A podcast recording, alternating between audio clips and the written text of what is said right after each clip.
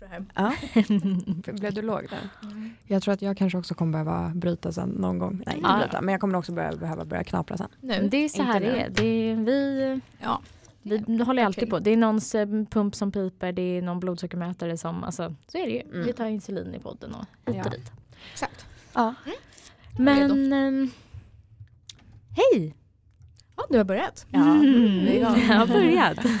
Hallå, hallå. Hallå. Sandra, välkommen tillbaka till studion. Ja men tack så hemskt mycket. Det känns nästan lite ovant. Ja. Mm. Mm, det var det. länge sedan. Det var Mm, länge sedan du mm. satt här. Exakt. Det är kul att ha dig tillbaka. Ja men tack så hemskt mycket. Det är kul att vara här. Ja.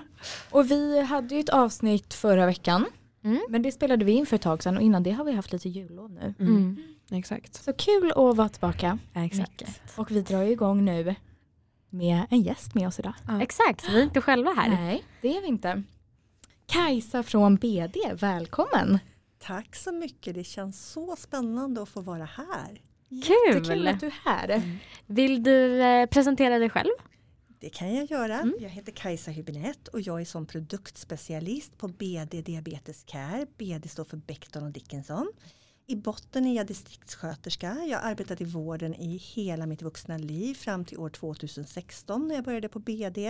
Jag eh, arbetade mycket med diabetes typ 2 på vårdcentral. Eh, Och idag så jobbar jag en hel del med diabetes typ 1 också. Det jag kan om det, det har jag lärt mig i den här rollen. Förutom det så är jag eh, mormor, är väl mitt, Mm, det är ja. min största hobby till Mm. två små barnbarn. Åh, vad fint. Kul att ha dig här.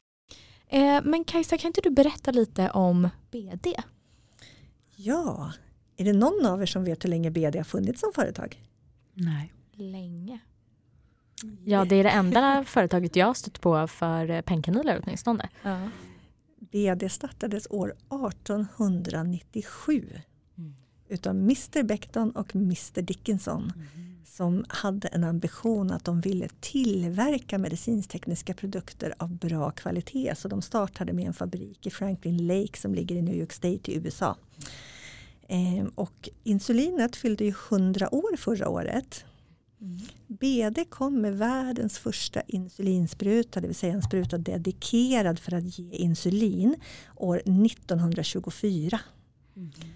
Och det sägs att världens absolut första in- insulininjektion gavs med en BD-spruta. Så att ni förstår hur länge vi har arbetat Mm. med det här med insulin och diabetes.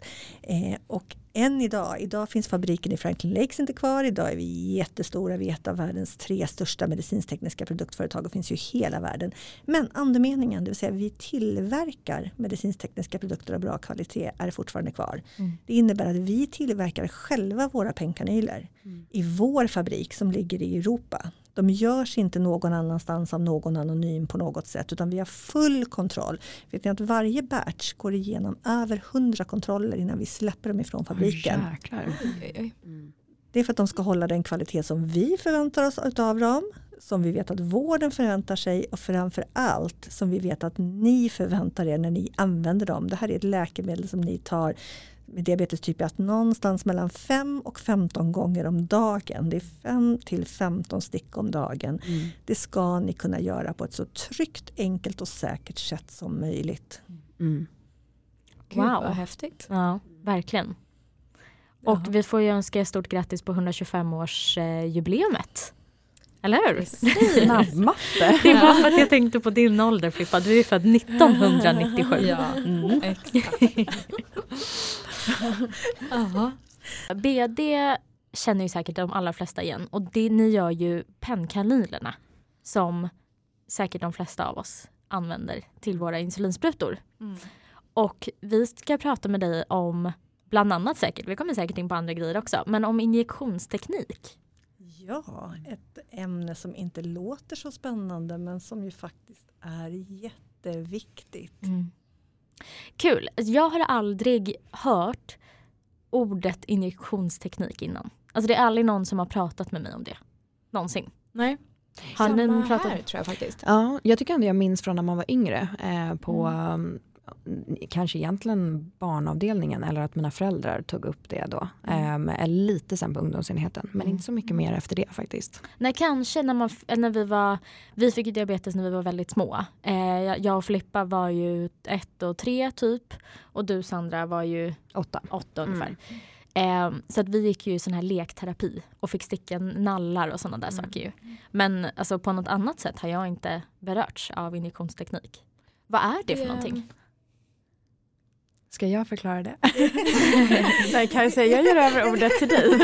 det, det lät som att någon ja, ville men det var säga jag. det. Ja, jag tänkte, ja, nej, men det, det jag minns, vet, mm. vilket jag inte vet om det kanske är injektionsteknik på det sättet man pratar om det idag. Men det var någon slags mall man mm. la på magen. Och stack då, man skulle, det var olika hål i den här mallen mm. som man stack efter. Exakt, den um, minns jag också. Ja, mm. Som typ var en björn. Ja, och jag tycker jag har sett den på din mage här, mm. på din tröja. Ja. Ja. Ja, jag har ju en tröja på mig idag med just en sådan injektionsmall så som de ser ut idag. Jag tror mm. att det ni fick se på barn var någonting som såg ut som en glad mun. Mm. Säkert med lite roliga gubbar eftersom det var barn. Mm. Jag är nästan helt säker på att det var en BD-produkt. Det var så man lärde ut på den tiden. Det är så mm. jag blev upplärd en gång i tiden också. Men mm. det finns ju forskning och det finns utveckling och det är jätteviktigt att vi följer med.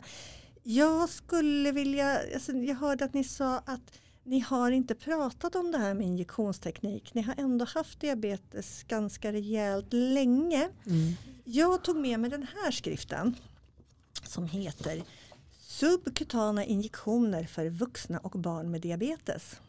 Mm. Det här är de svenska nationella riktlinjerna i injektionsteknik.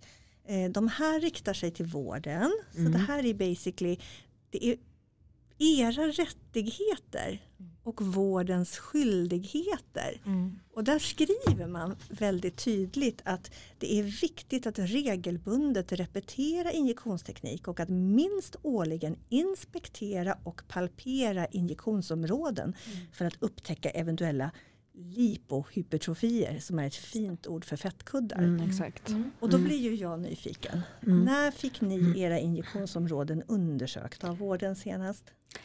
Det fick faktiskt jag för inte så länge sedan. Mm. För det brukar min eh, diabetesläkare som jag träffar en gång per år, han brukar alltid kolla det. Ja. Så det. Men vi har aldrig, nu har inte jag heller haft någon, om jag hade haft någon sån fettkudde så kanske vi hade pratat mer om injektionsteknik. Mm. Men vi har ju aldrig i samband med det pratat speciellt mycket om det. Nej, mm. Nej och jag har ju samma läkare som du ja. har så han kollar ju på mig också. Så vi kollar ju. Eh, men jag måste säga också när jag tittar på den här mallen och allting sånt. Jag tror själv inte att jag är jättebra på att rotera. Men har väl kanske inte heller stött på så mycket problem än. Eh, men man kanske också har haft tur än så länge. Mm. Eh, men jag kan nog bli mycket bättre på eh, just injektionstekniken. Mm. Mm. Alltså jag tror ju man kanske har gått, eller man har ju gått igenom vart och hur man ska sticka sig. Mm. Men kanske inte använt, använt ordet just injektionsteknik. Nej det är möjligt. Nej, ja men kanske lite. Men sen tror jag också man fastnar ju lite, eller jag tycker i alla fall det är bekvämast att ta antingen höger eller vänster sida precis vid naveln. Mm. För det känns som att där har jag mest fett och därför känns det lite skönare. Ja, mm. Gud vad intressant, jag Så, tänker precis tvärtom. Ja, nej. Jag tycker att det är läskigt att röra sig ovanför naveln och under. Ja. Det är ja. inte bekvämt tycker nej. jag. Jag tänker nog också ju tunnare ja. hud. Ja, alltså jag, tänker, jag tänker absolut motsatsen. Ja, det är så. Ja. Men vi kommer ju få svar nu på vad som är rätt. Gud vad spännande. Men om jag får frågan, fråga tillbaka då om att inspektera eh, huden så då. Är det något man ska göra lika mycket om man har pump? Ja, när det gäller pump så finns det faktiskt inte speciellt mycket forskning, eller mig veterligen ingen forskning alls om pump. Men det man säger i den här skriften är ju då att vid insulinpumpsbehandling rekommenderas detsamma vad gäller variation av injektionsområden. Mm. Dock rekommenderas inte lår. Det är det mm. som skrivs. Och man brukar tänka att det finns ingen forskning som underbygger utan det är ju så vad vi kan tro mm. är mm. bra. Mm. Eh, jag skulle vilja inleda med några jätteviktiga saker. För det första, i den här rollen som produktspecialist på BD så får jag inte ge och ska inte ge direkt eh, patientrådgivning som Nej. man kallar det för. Det vill säga jag kan inte tala om att så här borde du göra eller du göra så utan jag kan berätta det generella kunskapsläget och eh, vad forskningen säger. Mm. Sen är det, jag brukar säga så här att stopp min kropp som man lär små barn på föris idag. Det gäller faktiskt personer som lever med diabetes också. Så det är din kropp och du som bestämmer vad som ska hända med din kropp och det gör du i samråd med din diabetessjuksköterska eller din diabetesläkare. Så det jag säger behöver inte du uppleva stämmer exakt för dig utan det är det generella kunskapsläget. Mm. Mm. Jättebra att du säger det. Mm, verkligen. Men om du, för nu har ju vi suttit här och svamlat lite om hur vi, vad vi tänker att injektionsteknik är och erfarenheten vi har. Hur skulle du säga, vad är injektionsteknik för någonting? Injektionsteknik innefattar ju egentligen allt till hur man skruvar på sin pennkanyl, hur man håller sin insulinpenna, eh, hur man tar sin injektion. Eh, men den absolut största och viktigaste delen i injektionsteknik det är ju att undvika de här fettkuddarna. Eh, fettkuddar är ju någonting som man vet inte exakt varför man, de uppstår men man tror att det har att göra med om varje injektion man tar skapar ju ett litet litet mikrosår. Det är ändå ett sår i vävnaden som ska läka. Eh, som du berättar, man, det är lätt hänt att man sticker på samma ställe. Eh, för ni har liv att leva. Eller hur? Mm. Alltså gå och tänka på, om jag ska, var, var stack du dig senast? Kan du svara mig? Var, var, kan du tala om exakt var du stack sista gången du tog en insulininjektion? Ja det kan jag men det är ju också för att jag Du typ tar tar på på samma. samma ställe hela tiden. Exakt. ja.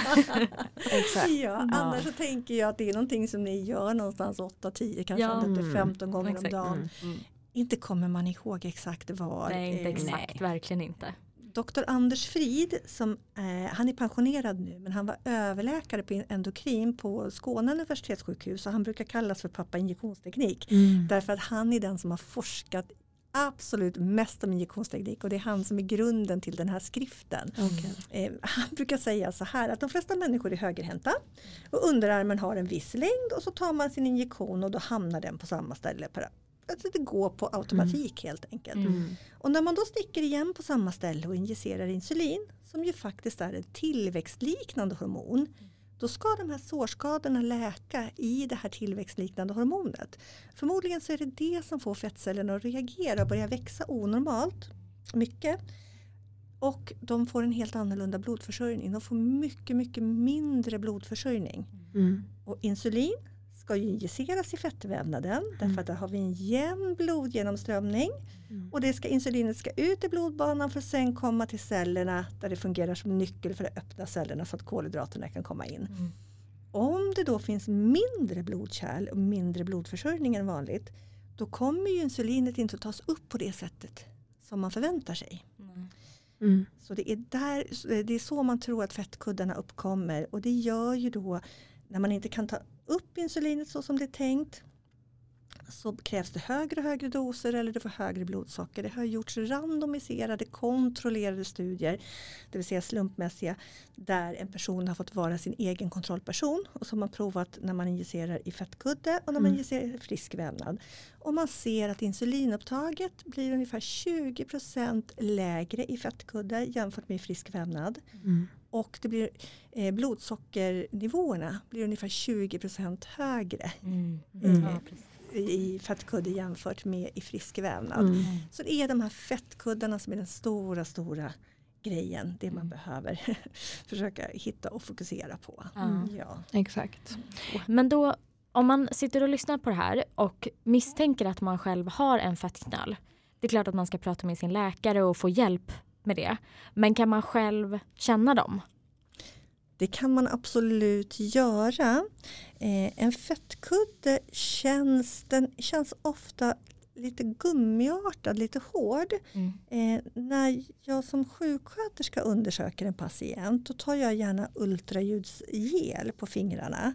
Och börjar där jag tänker att eh, det ska vara frisk vävnad. Så att jag skulle fråga min patient var brukar du injicera så visar de och så skulle jag titta på kroppen. Och då kommer jag förmodligen också nästan att se när jag Mm. blivit lite van. Och då så skulle jag ta två fingrar och ultraljudsgel och så trycker jag ner hårt i vävnaden där jag tror att det är frisk vävnad och så för jag fingrarna fram igenom vävnaden.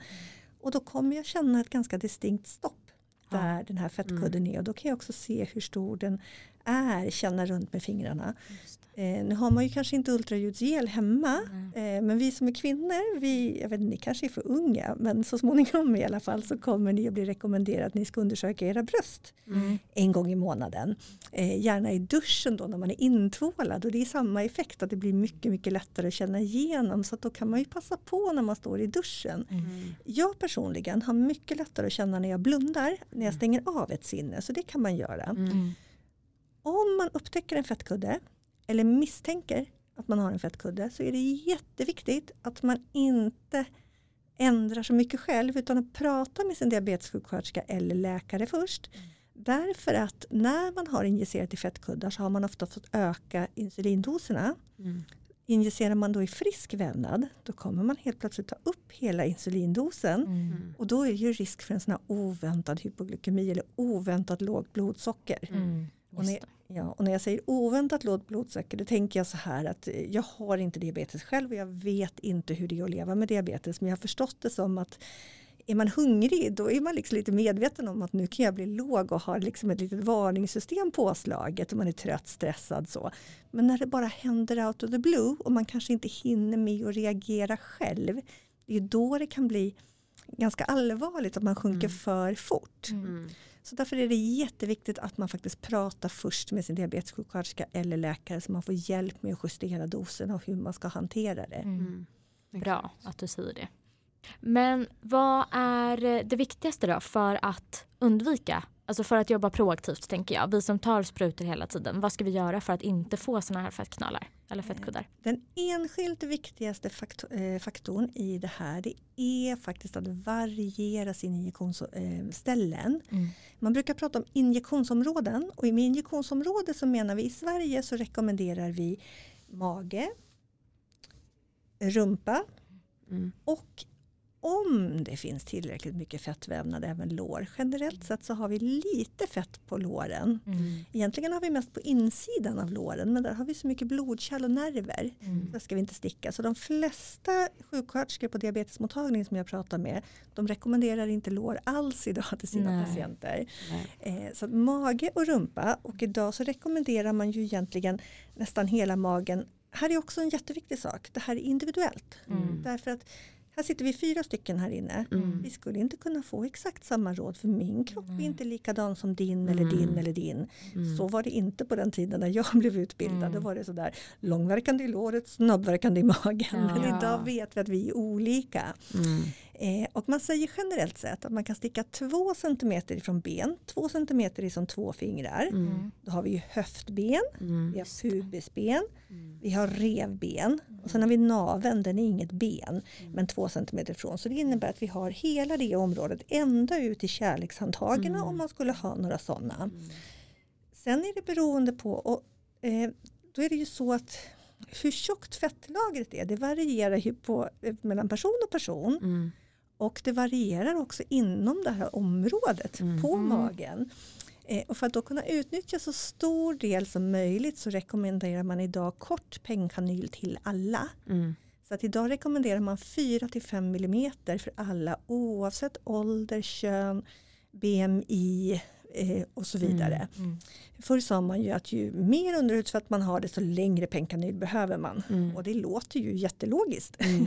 det, jag köpte det rakt av. Mm. Eh, men återigen så har vi doktor Anders Frid att tacka. Mm. Eh, han gjorde lite studier och undersökningar och det är så här att huden den är i genomsnitt 2 mm tjock på oss alla, på vuxna Okej. individer. Mm. Det är det vi har under huden, underhudsfettet, som Mm. blir eh, eh, större eller mindre. Mm.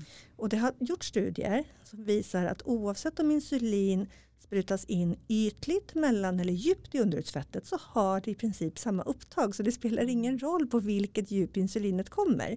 Det tas upp likadant. Det viktiga är att det kommer in Mm. under huden. Mm. Exakt. Så har man tillgång till 4 mm pengkanyl så tycker jag absolut att man ska be att få det förskrivet. Mm. Mm. Ja, jag hade 5 mm ganska länge tror jag. Men sen hade du Filippa 4 mm. Eh, sen vet inte jag om jag tog upp det själv men nu tror jag att jag har bytt till 4 mm också. Ehm, men det är väl inte, kanske inte jättestor skillnad. Men för jag tänkte på det, för jag kan ju absolut inte ta i låret. Eh, dels får jag som en direkt efter en svullnad och som en temporär fettkudde känns det nästan som. Eh, det blir liksom jätteirriterat. Men också att i låret så tar min kropp inte upp insulinet alls på samma sätt som i magen. Nej. Och det har vi typiskt som bevis på att det är individuellt. Mm. Sen är det ju så att långverkande insuliner de blir ju som snabbverkande om man injicerar dem i muskelvävnad. Ni Mm. vet att blodförsörjningen är mycket större i muskelvävnad och den varierar också beroende på hur muskeln arbetar. Mm. Och just långverkande insuliner de blir som snabbverkande. Jag vet inte om ni har varit med om det någon gång att ni har tagit långverkande och så blir ni jättelåga. Tror inte det. Alltså, jag har inte tänkt att det hör ihop. Men däremot, nej, alltså jättesvårt att säga helt ärligt. Mm. Man, jag, tar, man, jag tar ju långverkande insulin morgon och kväll. Och det händer ju absolut att jag blir låg både på morgonen och på kvällen. Oftast både och tänkte jag säga. Nej, men, alltså, men jag vet ju inte om det har med det att göra eller om jag har doserat för högt snabbverkande. Det är svårt att veta. Mm. Eh, Vi hade en fortbildning, vi på BD arbetar ju jättemycket med att utbilda i det här. Mm. Eh, Jag är jättestolt över att arbeta på BD som lägger de resurserna som anställt till exempel mig som då är eh, distriktssköterska. Men när vi hade den här fortbildningskvällen för sjuksköterskor så ville vi ha personer med fettkuddar där. Mm. Och då har jag två vänner som har diabetes typ 1 som var snälla och ställde upp. Och de har haft diabetes jättelänge och kan allt och de ställde bara upp för att vara snälla mot mig Mm. Och kom och tänkte att de skulle ha jättetråkigt. Och det var en ganska torr föreläsning. Den var för sjukvårdspersonal med ett visst språk och så. Och när vi kommer därifrån och sitter i bilen på vägen hem så tittar de på varandra och så tittar de på mig och säger varför har ingen pratat med oss om det här förut? Mm. Eh, De lärde sig jättemycket under den kvällen och det var faktiskt min första signal på att vi måste på något sätt försöka nå ut. Vi har pratat med sjukvården i så många år Mm. men vi behöver nå ut till er som lever med diabetes också. För på något sätt så försvinner den här kunskapen på vägen. Mm. Båda de här killarna ringer även till mig eh, inom två veckor efter att de har varit med och sagt att vet du, nu för första gången i hela mitt liv så har jag råkat ta mitt långverkande i låret. Jag märkte hur låg jag blev på en gång. Ja. och så pratade vi en stund till och så kom de ju på själva under samtalet. Eller, eller har det här hänt jättemånga gånger? Det var bara att nu förstod jag vad det var som hände. Ja. Men det där känner jag igen. Det har vi också pratat ganska mycket om eftersom vi har haft diabetes så himla länge allihopa. Att mycket av den här informationen fick vi när vi var små och när vi fick diabetes och då gick ju den mesta informationen också till våra föräldrar. Så att jag tror verkligen som du säger att det är jättebra att ni försöker nå ut till även oss direkt. Mm. För att det är som du säger, den här informationen den upprepas ju inte riktigt. Så har våra föräldrar väl tagit del av det en gång när vi var små eller för små att själva ta in den här informationen. Då, är det liksom, då blir det inget nytt försök sen. Nej, och det händer mycket i ert liv och man behöver repetition. Det behöver man med allting och det är därför jag tror man har skrivit upp det. Eh, Men jag tror jag tappade tråden förut. Här. Man ska kunna använda så stort område som möjligt på kroppen då behöver man ha den här korta pennkanylen. Sen vill man att det ska vara en centimeter och en centimeter är som en fingerbredd mellan varje injektion. Och nu är det ju jättesvårt att hålla rätt på exakt var man var. Eh, men att man försöker att tänka på att sprida de här injektionerna. Eh, också att man pratar med sin diabetessjuksköterska eller läkare först. Så att man, för att som, nu syns inte jag i en poddradio men jag tillhör de som bär min vikt neråt på kroppen. Det innebär ju att skulle jag injicera ovanför naveln så skulle jag nog behöva lyfta ett hudveck även med en 4 mm pennkanyl. Mm. Eh, under naveln inga problem.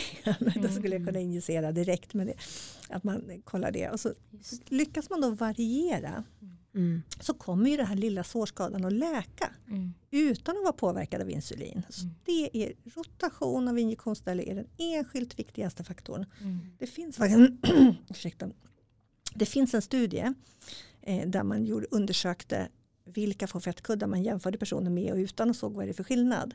Det visade sig att 98% av de som inte varierade eller varierade för lite hade fettkuddar. Gud, jag börjar så här känna på mig själv.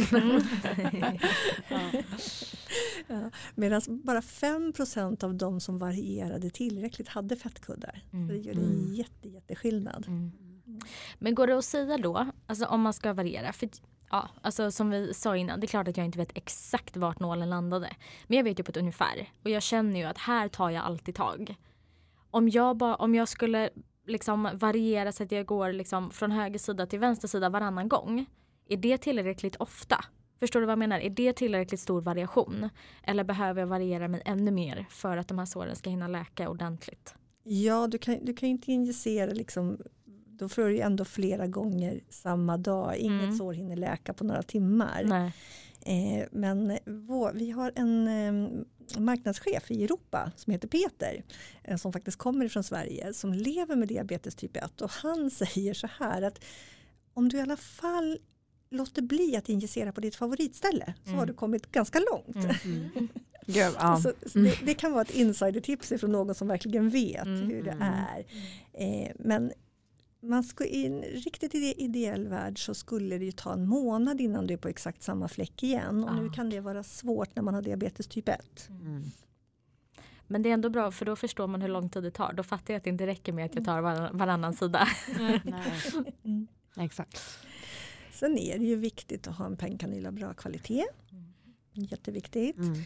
Eh, och sen kommer vi in på ett ämne som kan vara lite knepigt. Men det här med att återanvända pennkanyler. Mm. Hur ser det ut för er? Brukar ni återanvända era pennkanyler? Gud, Filippa stirrar ihjäl mig. Oj. Eh, ja, men det är för jag vet att det kan du göra. Ja, gud ja. Mm. Eh, nej, men eh, är det någonting min mamma har skällt på mig genom hela min ungdom så är det just det. Att jag eh, är dålig på att ta nya nålar. Jag använder mycket samma. Mm. Hur ofta byter du ungefär? Vet du det? Ehm, nej, men jag skulle väl säga att ehm, i alla fall kan jag använda tre injektioner eh, på samma nål. Mm. Jag skulle, för att vara helt ärlig så är det här en ovana som jag har fått ganska nyligen. Alltså jag har varit superduktig. Jag har verkligen bytt efter varenda injektion. Fram tills för...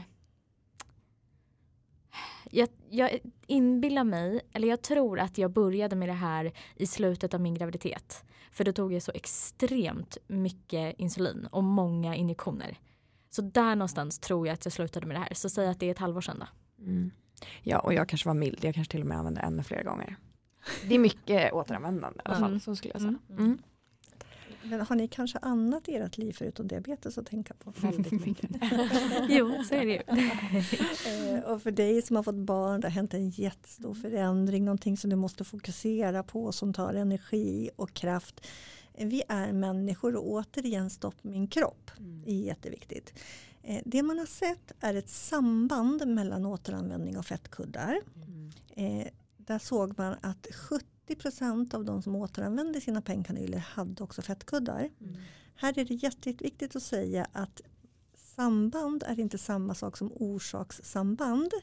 Det vill säga man har inte kunnat fastställa att det är just återanvändningen som gör att man får fettkuddar. Men det finns ett samband mellan återanvändning och fettkuddar. Mm. Eh, och det finns fördelar med att byta pennkanyl Mm. varje gång. Eh, för oss som tillverkar pennkanyler, vi på BD tillverkar ju våra egna pennkanyler. Vi har vår fabrik på Irland så vi har full kontroll. Det tycker jag är lite häftigt. Mm.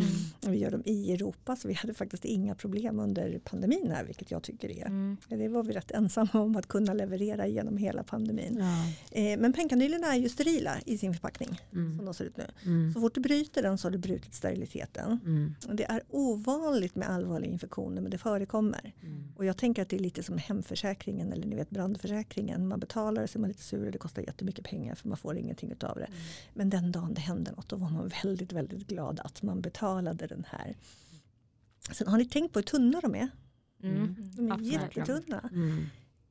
Och varje gång, alltså allt material med användning slits ju och nöts. Mm. Eh, så det som kan hända är ju att använder man den flera gånger så kan den börja böja sig. Mm.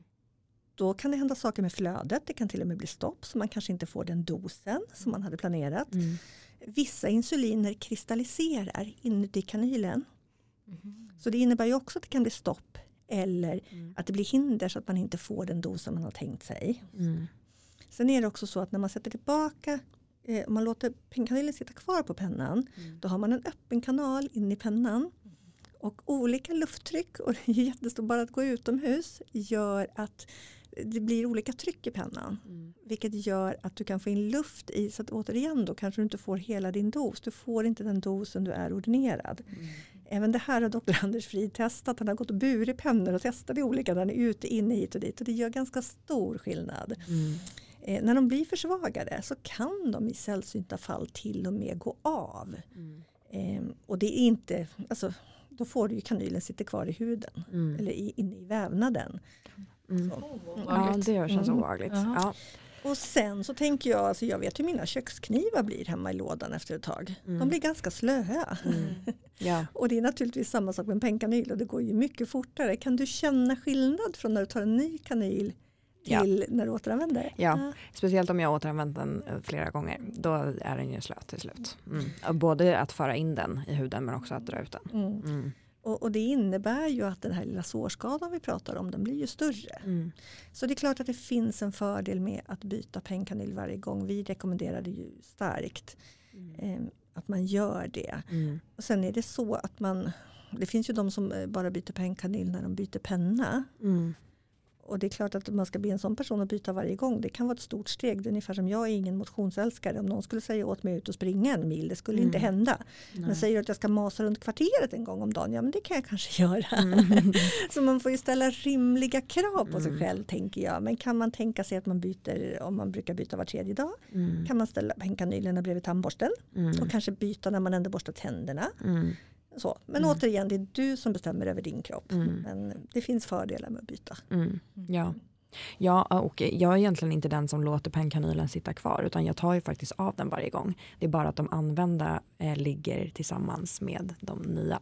Så att jag plockar upp den som jag får tag på. Så det är egentligen den. Eh, så det är inte att den sitter kvar på sprutan liksom hela tiden. Men så då plockar du ändå av den alltså? Men Ja. du sätter ändå på en, aha. Mm. För jag låter den ju sitta. Mm. För jag tänker att det är några sekunder jag sparar. Nej, alltså jag sparar väl den millisekunden av att inte dra av pappret. Nej jag förstår.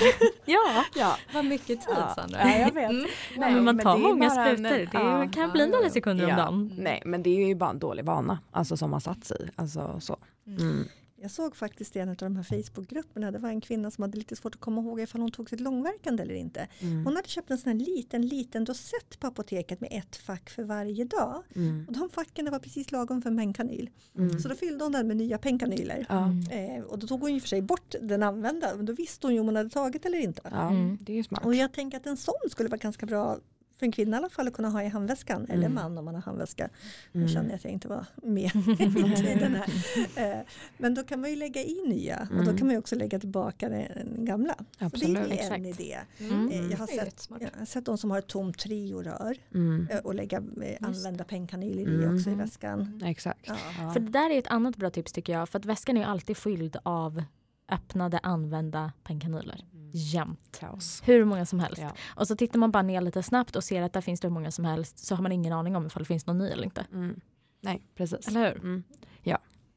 Just en sån här liten dosett, då får man med sig sju stycken i alla fall. Mm. Ja. Ja. Och kan också ha de, de gamla Mm. i den och så bara byta när man kommer hem. Mm. Eller typ två troma tre- treårör. Mm. Ett för nya, ett för eh, begagnade. Så. Mm. Precis. Det var väl jättesmart. Mm. Mm. Bra tips. Mm. Ja. Det borde ni båda införa nu då kanske. Eh, ja. Nej men ja, verkligen. Det ska bli bättre. Men som sagt, det har verkligen satt sig som en vana. Men jag börjar ju märka, dels när jag märker att nålarna blir slöa. Ja. Men sen så, ehm, jag tror också att är det någon gång man har börjat känna att nu börjar det kanske faktiskt bli skillnad så är det ju faktiskt nu att jag märkt på min hud eh, att sådär, den blir inte så glad. Mm. Eh, och för att undvika också att det inte ska bli märken och sånt framöver ehm, så är det ju dags. Mm. Mm. Eh, för det är så, vi var inne på fettkuddar, vi har pratat om hur ska man undvika att få dem. Hur kan man behandla dem? Mm. Eh, så. Och eh, det har faktiskt gjorts en studie, en så kallad interventionsstudie, det vill säga en undersökande studie. Eh, Det var den första som kom år 2018 där man i England tittade på 75 patienter på olika healthcare centers. Ungefär som våra vårdcentraler med den skillnaden att det går både typ 1 och typ 2 Eh, och den här studien var ganska kort. Den pågick i mellan 3 till 6 månader. Så patienterna valde slumpmässigt in och så tog man vad som kallas för baseline. Det vill säga man tog liksom noll, nollvärden på dem och sen så följde man upp dem efter mellan 3 till 6 månader. Det vill säga på deras vanliga återbesök. Och studien gick ut på att först fick sjuksköterskan en ordentlig och gedigen utbildning i injektionsteknik. Och sen utbildade hon patienterna. Alla patienter bytte också till en BD 4 mm pennkanyl. Det var några saker som var riktigt intressanta. Eh, det ena var att man frågade patienterna när de kom in i studien. Eh, har du korrekt eh, injektionsteknik? Ja, svarade 85 procent av patienterna, det Mm. har jag. Eh, när sjuksköterskorna sen ställde frågor om injektionstekniken då visade det sig att det var bara 15 procent som faktiskt hade helt korrekt injektionsteknik. Mm. Men vid studiens slut då var det 84 procent som gjorde rätt så det gjorde en rejäl skillnad i det. Mm. Och utav de här patienterna så var det patienter som hade fettkuddar. Vi har liksom alltid vetat i vården, ja de kan läka ut individuellt, man vet inte. Men i den här studien så visade det sig att eh, man kan ju ha så kännbara eh, fettkuddar, det vill säga fettkuddar som är så små så de inte syns och sen så kan de bli så stora så de syns. Mm. I studien så var det 50% som hade synliga fettkuddar på magen när de gick in i studien. Bara 33% när studien var slut. Mm.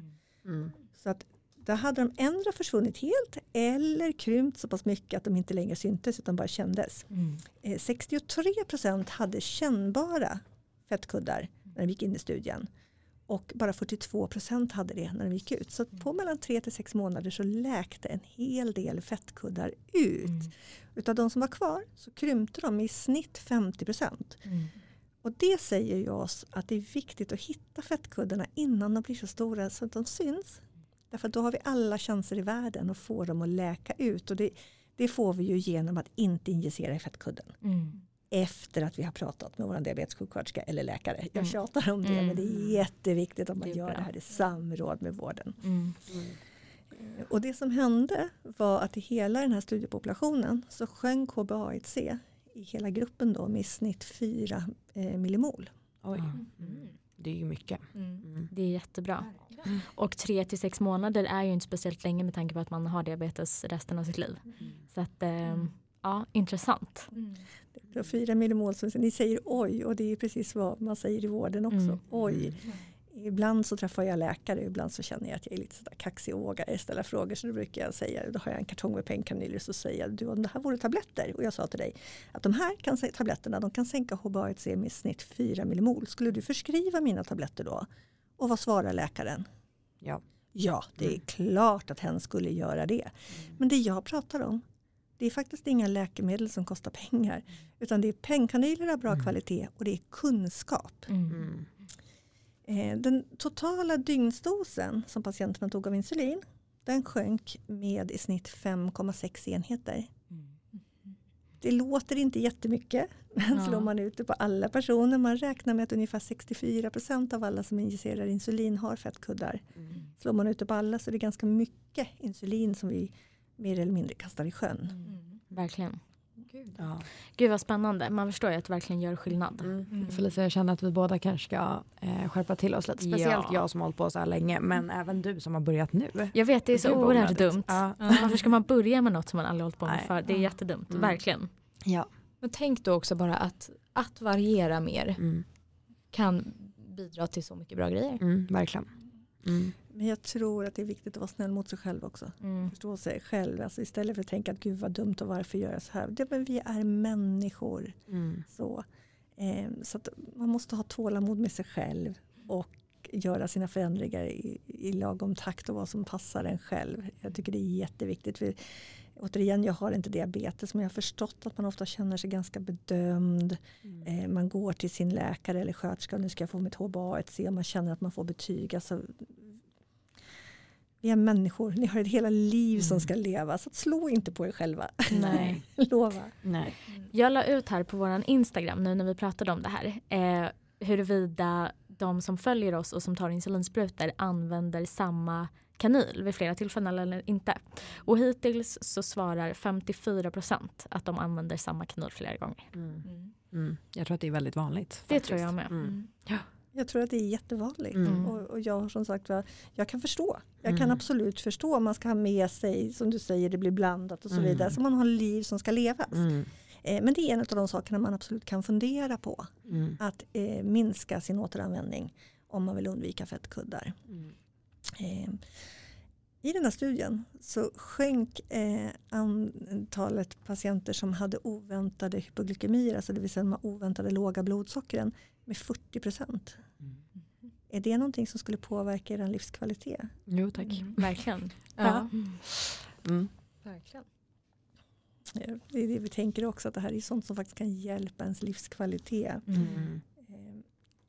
Antalet eh, patienter med blodsockersvängningar och nu vet jag att nu tittar ni på mig som men det är klart att blodso- blodsocker svänger, eller hur?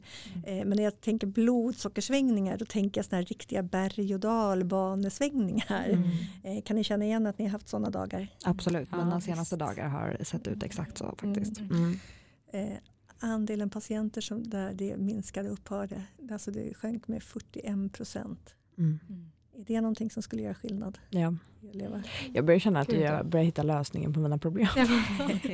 ja, exakt. Ja, men Men det är så lätt att tänka som vi pratade om i början att det är ju bara en nål. Alltså Det är Ja. bara en kanin. Liksom, Mm. Hur stor betydelse kan det ha? Men Mm. uppenbarligen. Ja, men kanske också för att vi faktiskt inte pratar så mycket om det här. Nej, verkligen. Alltså man inte Gud, förstår eh, hur mycket det faktiskt påverkar. Mm. Jag frågade ju er innan vi började spela in så frågade jag er som använder penkanyl. Eh, vad betyder penkanylen för er? Mm. Och hur reagerade ni då? Ja, vi blev ju tysta tills Felicia tog ordet till slut och sa allt. Ja men det var ju verkligen så. Det var, vi satt ju tysta för att man Ja. tänker inte speciellt mycket på dem. Nej. Man ser alltid till att man har insulin hemma, Mm. att man har eh, kanske ketonmätare eller ketonstickor som ligger längst in i skåpet någonstans Mm. och sånt där. Men nålarna, de bara är ju där. Mm. Alltså, de tänker man inte så mycket på. De ligger i väskan, det är fullt i varenda ficka, i alla fack. Man har ingen aning om om de är använda eller oanvända. Men utan dem så får vi inte i oss det där insulinet i alla fall. Nej, och jag mötte ju på det i Paris, så att jag glömde ju nål hemma. Så att det, hela kvällen Mm. blev förstörd. Så till slut så gick ju alla tjejer som jag bodde med runt med nålar i sin väska. eh, För att det inte skulle hända igen. Nu händer det aldrig igen, men Mm. så. Mm. Och det är ju lätt hänt, man, man är människa återigen. Hur många timmar på ett år skulle ni uppskatta ungefär att ni träffar sjukvården? Oj. Oj, vad svår fråga. Ehm, Då tänker jag högt. Man träffar sin, eller vi, jag träffar min diabetesläkare en gång om året. Och det besöket kanske är, pågår i en halvtimme, 40 minuter. Och sen träffar jag min diabetessköterska, hur ofta träffar jag honom? Var tredje månad eller? Men jag tror inte att det är det. Är det verkligen ja, fortfarande det så ofta? väl vara det eller? Var tredje. Och det säger vi en halvtimme då, så det blir två timmar på året. Så ja, mindre än tre timmar om året. Per år. Det är 8760 timmar på ett år.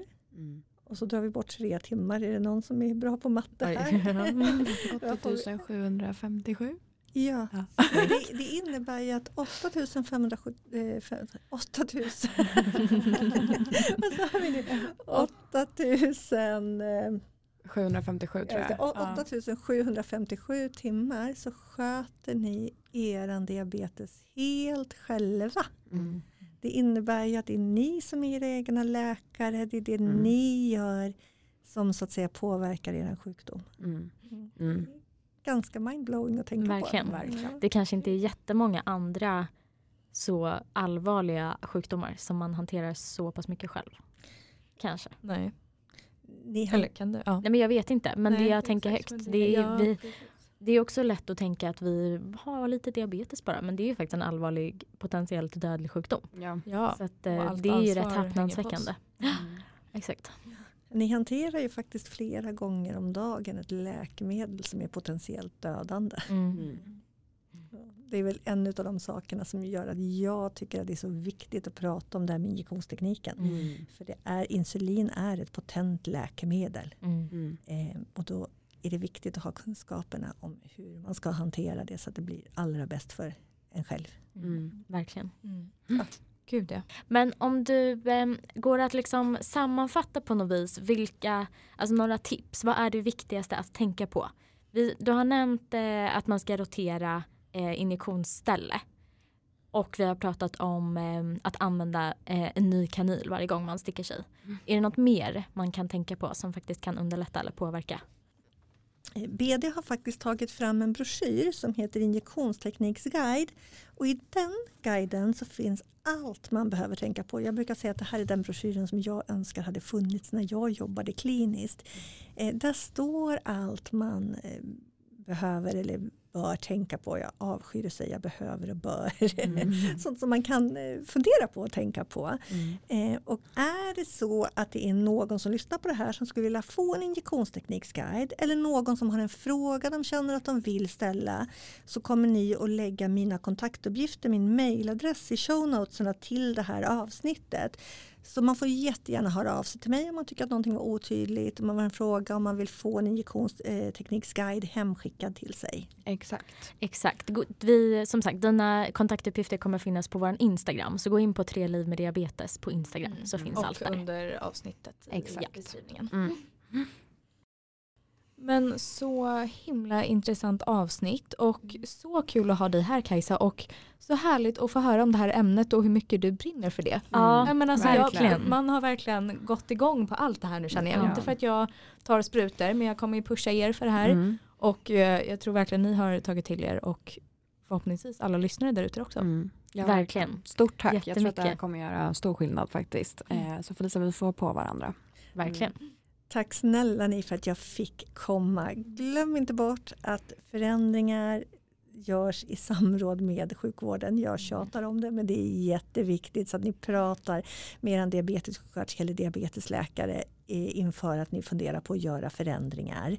Eh, och berätta gärna hur det går. Det tycker jag skulle vara jättespännande. Ja. Verkligen. Vi också.